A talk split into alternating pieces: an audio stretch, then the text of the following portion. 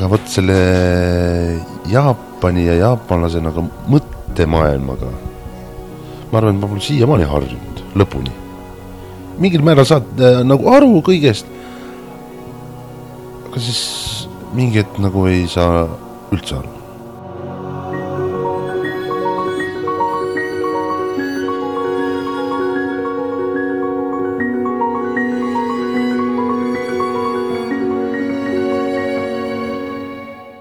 head sõbrad, äh, tervitused Tokyost, minu nimi on Rainer Sterfeld ja te kuulate kolmekümne neljandat episoodi saatest Globaalsed eestlased, kus äh, meie eesmärgiks on siis vabariigi sajandaks aastapäevaks luua mälupilt silmapaistvatest Eesti inimestest üle maailma ning teiseteiselt õppida. on kahekümne neljas märts kaks tuhat kaheksateist ning minu vestluskaaslaseks täna on Kaido Hövelson, kes äh, siinmaal rohkem tuntud kui Baruto ehk Eesti läbi aegade edukaim summamaadleja jõudes äh, pea kümne aasta jooksul Osaki staatusesse. Äh, tänaseks on Kaido summamaadluse lõpetanud ning tegutseb nii Jaapanis kui Eestis, osalenud MMA matšidel ning tegutseb nii turismis kui meelelahutuses, aga sellest ta saab juba ise lähemalt rääkida, nii et tere tulemast saatesse, Kaido! tervist! et äh, alustame kohe kõige sellisest huvitavamast küsimusest võib-olla, mis avab teemat, et milline on esimene lapsepõlvemälestus Jaapanist? No Jaapani lapsepõlvemälestus, kuna ma olen praegu kolmkümmend kolm, see oli täpselt see, et äh, mingi, osa, noh, vahest ikka seal äh, televisioonis näidati Jaapani filme. Mm.. ja siis oligi, et äh, Jaapanis kõnnivadki noh, reaalselt nagu samuraid mööda tänavat, kõigil on pats peas, mõõka vööl. Ja teine mälestus on see, et äh, või noh, ettekujutus nagu Jaapan, Jaapanist, et äh, kõik tegelevad mingi kahevõitlusalaga kuna nii karate, judo ja nii edasi, nii edasi, kõik nagu jaapanlased olid jube tugevad, see oli noh, mõtlesingi, et noh, kõik tegelevadki kahevõitlusega. aga jõudes Jaapanisse, astudes lennuki pealt maha, ettekujutus muutus äh,.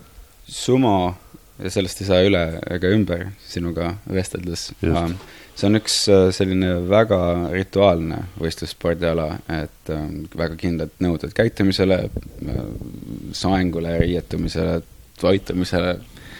et ähm, mis tõmbas sind sellise tugeva ajaloohõnguga ähm, ja terve elu nii-öelda või noh, selle, sellel eluperioodil siis pühendumist nõudva ala juurde? no kuidas nüüd öelda, noor jah suured unistused ja tahtmist väge täis. et ise ma tegelesin judoga, eh, natukene sumoga, noh, amatööride klassis. ja Eestis toimus, eh, toimusid sumuvõistlused. ja peale seda, jaapanlased tulid sumuvõistlused vaatama ja siis peale seda nagu tehti pakkumine, et eh, sa ei tahaks Jaapanisse tulla professionaalseks sumomaadlejaks tegelikult ma olingi, ma lõpetasin keskkooli, ma olin sellisel teelahkmel, mis ma nüüd teen? kuna vanemad mind nagu toetada ei, ema toetada ei saanud, et ma ülikooli õpinguid jätkaksin, kuigi ma läksin ülikooli, kuu aega lõpetasin ülikooli, noh, tulin ülikoolist ära, et olingi sellisel teelahkmel, et mis ma nüüd edasi teen siis. mõtlesin ja mõtlesin ja siis tuli see Jaapani pakkumine, mõtlesin, et äh, miks mitte, teeme ära mis aastal see oli? see oli kaks tuhat neli. ma tulin siia, kaks tuhat kolm tehti pakkumine mm -hmm. lõpus. ja kui sa mõtled äh, nagu tagasi äh,, et eestlasena sumos äh,, kui palju raskem või lihtsam on siis väljaspoolt süsteemi nii-öelda tulijale sumos äh, läbi lüüa või, või siseneda?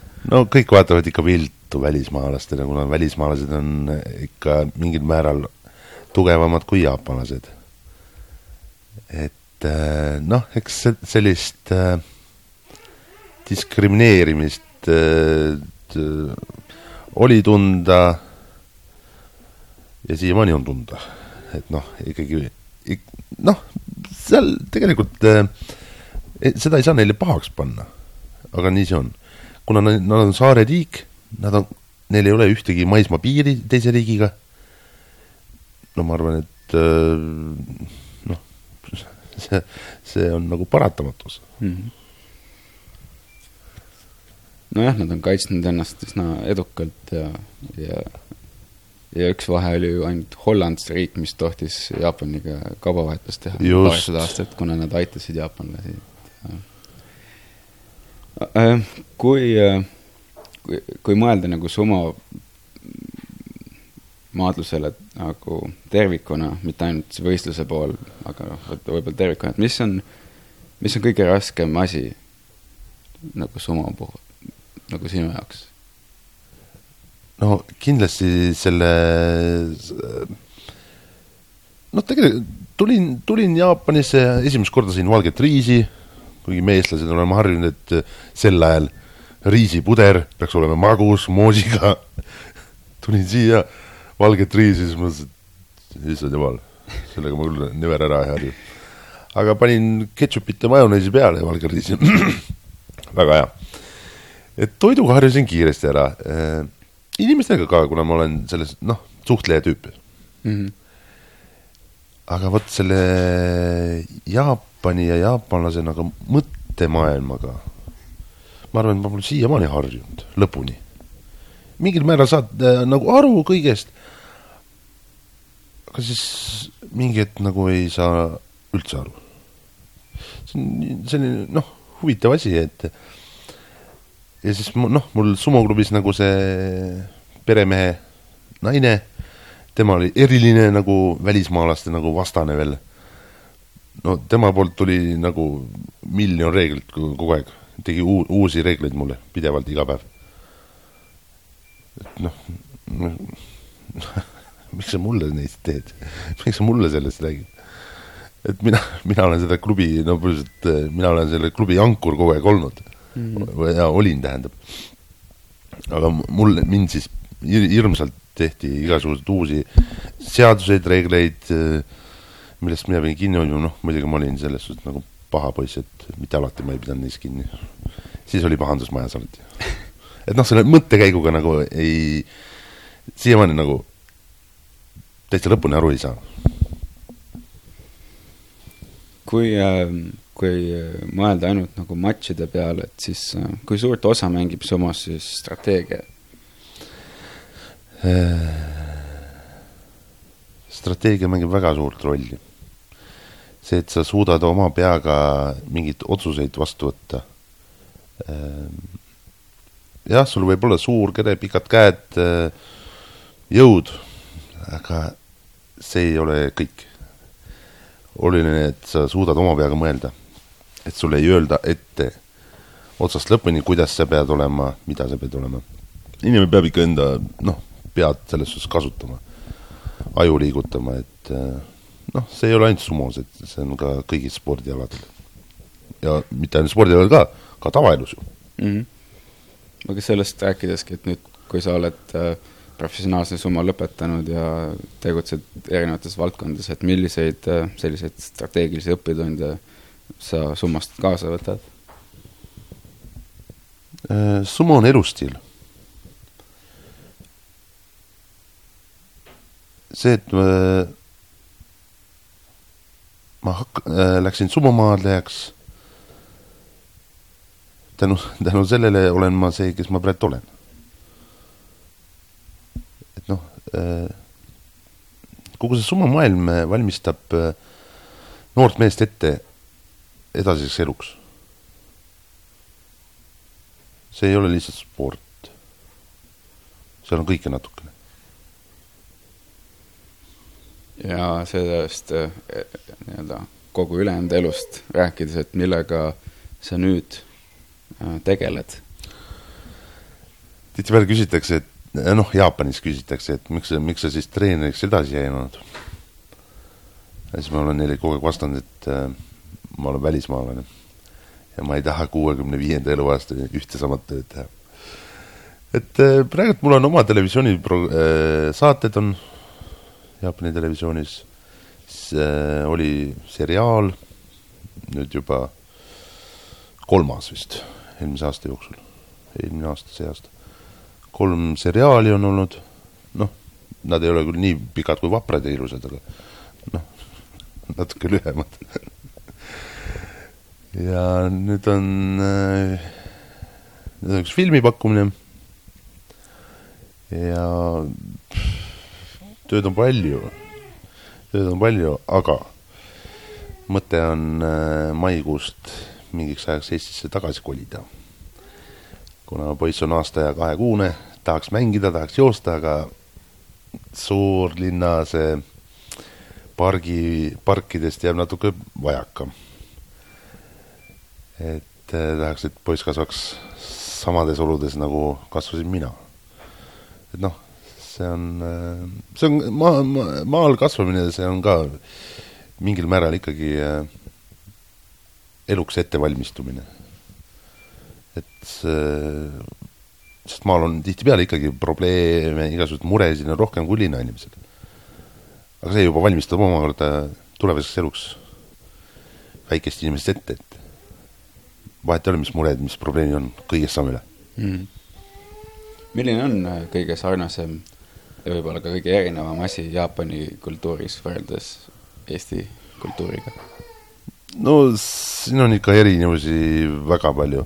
samas jaapanlane kui inimesena, me, me oleme eestlastega sarnased. me oleme igapäevaselt kinnised. samas me oleme viisakad. samas, kui küsida abi, me oleme abivalmid aga end, enda nagu elust-olust nagu igalühele rääkima ei lähe ega hakka. aga kui õhtul vaat klaasi taga, siis me oleme kõik avatud jaapanlastel on äh, selliste tähendusrikaste suhete loomisel väljend, ma vast ei häälda seda õigesti, aga ishin deshin ähm,. ehk siis äh, selline teineteiste sõnadeta mõistmine või ähm, südamest südamesse suhete loomine. et ähm, kuid-, kuidas, jah, küsimus on siis, et äh, kuidas võita jaapanlaste usaldus? väga hea küsimus. no äh, kõige, kõige lihtsam äkki moodus on see, et äh, ole see, kes sa oled. Siis kui sa oled jaapanlastega, siis sa ürita võimalikult palju äh, jaap-, jaapanlasi, jaapanlaste järgi teha. kui nemad kummardavad, siis sina kummarda. ole, ole, ole tähelepanelik ole viisakas. et äh, noh, oli, oli lihtsalt äh, selline situatsioon, kus äh, Eestist tulid riigi, riigifirmade juhid tulid siia. ja siis, kui need jaapanlased kokku nagu said, siis oli see, et ma olen Eestist, ma olen riigifirma juht visiitkaart anti ühe käega, noh, niisugused elementaarsed nagu viisakusavaldused, mida noh, mis jaapanlase jaoks tähendab hästi palju. see on ka üks väike niisugune äh,, üks väike nüanss, aga jaapanlase jaoks on see hästi suur. Ma usun, et sa tead, millest ma räägin, on ju? vägagi hästi mida võiksid jaapanlased eestlastelt õppida? jaapanlasi. jaapanlased eestlastelt mm.. ma ütlen, et me oleme selles suhtes nagu väga sarnased. et inimeselt inimesele, inimeselt inimesel nagu õppida, meil on tegelikult äh, suhteliselt vähe mm. -hmm pigem, pigem on ikka eestlasel ja jaapanlaselt õppida seda viisakust jaapanlasel, eestlaselt on nagu veidi keeruline midagi õppida. me oleme selles suhtes nagu suhteliselt sarnased jaapanlastega mm. -hmm. milline paistab Eesti keskmisele äh, jaapanlasele? No äh, tänu minu neljateistaastasele tööle Eesti ja mitte ainult Eesti, kogu äh, Balti riigid mm, -hmm. kolm Balti riiki on jaapanlased on kõik kuulnud. Nad on kuulnud minu nime, nad on kuulnud äh, Estonia, et äh, nagu see ette, noh, nad lihtsalt ei kujuta ette, kus see olla võiks tihtipeale. et kus see riik võiks asuda, et nad on kuulnud, et see on riik, mina olen sealt pärit, aga see on ka kõik. aga äh, viimasel ajal nagu Jaapani turiste oh, mingi, mingi vii-, hmm? kakskümmend korda rohkem hakanud iga aasta käima Eestist ja üldse Balti riikides. et äh, turvaline äh,, odav ja ilus riik. et äh, vot see odav, see, sellest ma nagu päris lõpuni ei ole siiamaani aru saanud, et kuigi me ei ole enam nii odavad, noh, jaapanlase jaoks äh, Eesti on noh, ettekujutus vähemalt kui odav riik, et mm. -hmm. kui võib-olla veel sarnasustest äh, rääkida, siis, siis äh, jaapani keelt peetakse äh, üheks kõige raskemini õpitavaks keeleks äh, eesti ja navaho keelde kõrval siis. et äh, milline oli sinu kogemus? minu kogemus? ma olin üheksateist, ma olin äh, väge ja vaimu, vaimu täis minu jaoks see keel oli küll, väga lihtsalt tuli mm. -hmm. et pigem on just see, et äh, ma usun, et eesti keel on üks raskemaid. Aga jaapani keel on selles suhtes nagu väga lihtne. lihtsalt sa pead äh, kuskil mingid sellised äh, nüansid nagu kinni püüdma, siis tuleb hästi, hästi kiiresti mm. -hmm. mina arvan küll, et pigem eesti keel on keeruline seda ta on. kas äh, äh, see, et nii eesti kui jaapani keel mõlemad on foneetilised, see aitas kaasa sind või? ma arvan küll, jah. Et äh, isegi noh, selles suhtes nagu sarnaseid sõnu on natukene mm. -hmm. näiteks hai on ja ju mm. -hmm. hai kirjutatakse mm -hmm. hai, loed teistpidi on jah ju Je on ei. Je loed teistpidi, ongi ei, noh.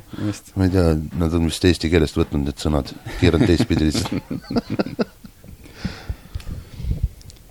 nüüd äh, räägime natukene äh, nendest äh,, ma ei oskagi öelda, et, et ma tihti tahan küsida vestluskaaslastelt nende raamatute kohta ja äh, kord ma olen küsinud seda, et, et, et millised raamatud on kõige rohkem mõtlemist mõjutanud, kord ma küsin seda, et millised raamatud sa soovitad, et, et mõista paremini näiteks selle inimese valdkonda.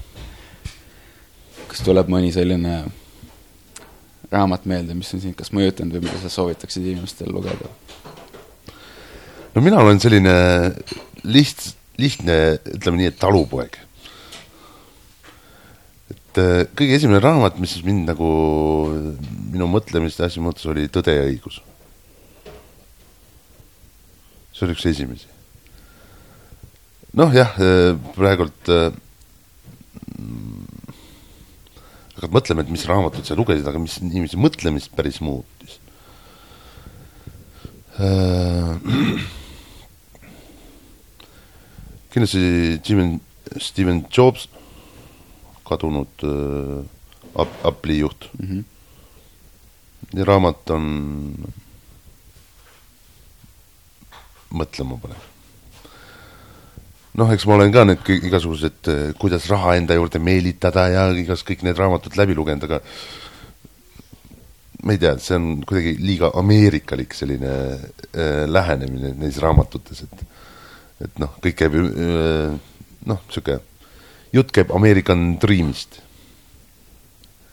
et noh, seda üle, üle maailma vahet ei ole, kuhu sa lähed, sa, sealt sa saad jah, omale mingit, mingit, mingeid mõtteid, mingit äh, äh, selliseid juhtnööre. aga igal pool nagu päris nii need asjad ei käi. noh, seda arvan mina. just kui, äh, kui sa korraks tulen tagasi selle Eesti küsimuse juurde, et, äh, et tänu sinu tööle äh, nad on kuulnud Eestist, noh, Lätist ja Leedust ja. ka. kui keegi küsib, milline on Eesti, mitte kus, sest ilmselgelt sellega sa tegeled, aga milline mm -hmm. on Eesti, kuidas sa, kuidas sa selgitad neile? no see on hästi lihtne. jaapanlasele muidu mõistmatu, et meil ei ole mägesid et Jaapani see uus äh, torn on ka kõrgem kui meie Munamägi mm. -hmm. Mägesid pole, suured põllud, suured metsad muidugi see, need suured metsad, need peab ka vist äh, varsti ära lõpetama, kuna meil metsa jääb aina vähemaks ja vähemaks, kui ringi sõita Eestis mm. -hmm. ühesõnaga, suured põllud, suured metsad, vähe inimesi, palju privaatsust. Kui inimesed küsivad minu käest looduse kohta Jaapanis, ma mõtlen, või ma jaapanlastega ettevõtluse kontekstis kokku puutun, siis ma ütlen, et see on nagu Hokkaido ilma mägedeta. just mina toon ka tihtipeale nagu Hokkaido toon näiteks, et et kuidas, kas teil on Jaapanis külm või seal Eestis külm ka või ja nii, et nägin, et no, Hokkaidol oled käinud. et Sapporost ülespoole lähed. noh, ettekujutus on umbes, et vot, lund sajab, külma on nii palju. et noh mm -hmm., Hokkaido ju ja võib-olla, võib-olla lõpetuseks, et, et Eesti Vabariik sai just saja-aastaseks. just. et milline on sinu soov Eestile järgmiseks sajaks aastaks? no ma tõsiselt loodan, et äh, Eestist saab äh, ükskord äh, juhtima inimesed, kes on tõesti Eesti pärast mures ja tahavad Eestit paremaks muuta et noh, kuna järgmised sada aastat mina seda vist lõpuni ei näe, aga kuna poiss on, et noh, tahaks, et kõigil oleks, kõigil oleks hea Eestis elada, oleks mugav äh, ja et ka maal elu säiliks. Et äh, praegult on noh, ei ole ainult Eestis see globa-, globaliseerumine, täpselt samamoodi Jaapanis. et äh, tuleb lihtsalt äh, natuke juhtimist nii muuta, et ka maal jääksid inimesed, jääksid töökohad, jääksid postkontorid, poed. et ma usun, et noh, seda üleöö nagu ei muuda. aga ma loodan, et äh, kõik, kes me oleme üle maailma eestlased, saame ükskord Eestis kokku. et me oma rahvusvahelisi kogemusi suudaks äh, Eesti juhtimisel, kuidas see Eesti, Eesti juht, juhtimisel no, kaasa lüüa. jah, kaasa lüüa, ma usun, et see rahvusvaheline kogemus on see, mis äh, viib meid ükskord Eestisse tagasi, et küll on ikka Eesti looduse rüppes hea. küll on ikka Eesti ilus ja armas väike oma. ma loodan, et see väike oma armas äh, jääb ka järgmiseks sajaks aastaks väga ilusti öeldud. Ähm, Kaido, suured tänud, et sa võtsid aega. Ähm, aitäh sulle, et nii kaugelt tulid minu rõõm, aitäh. aitäh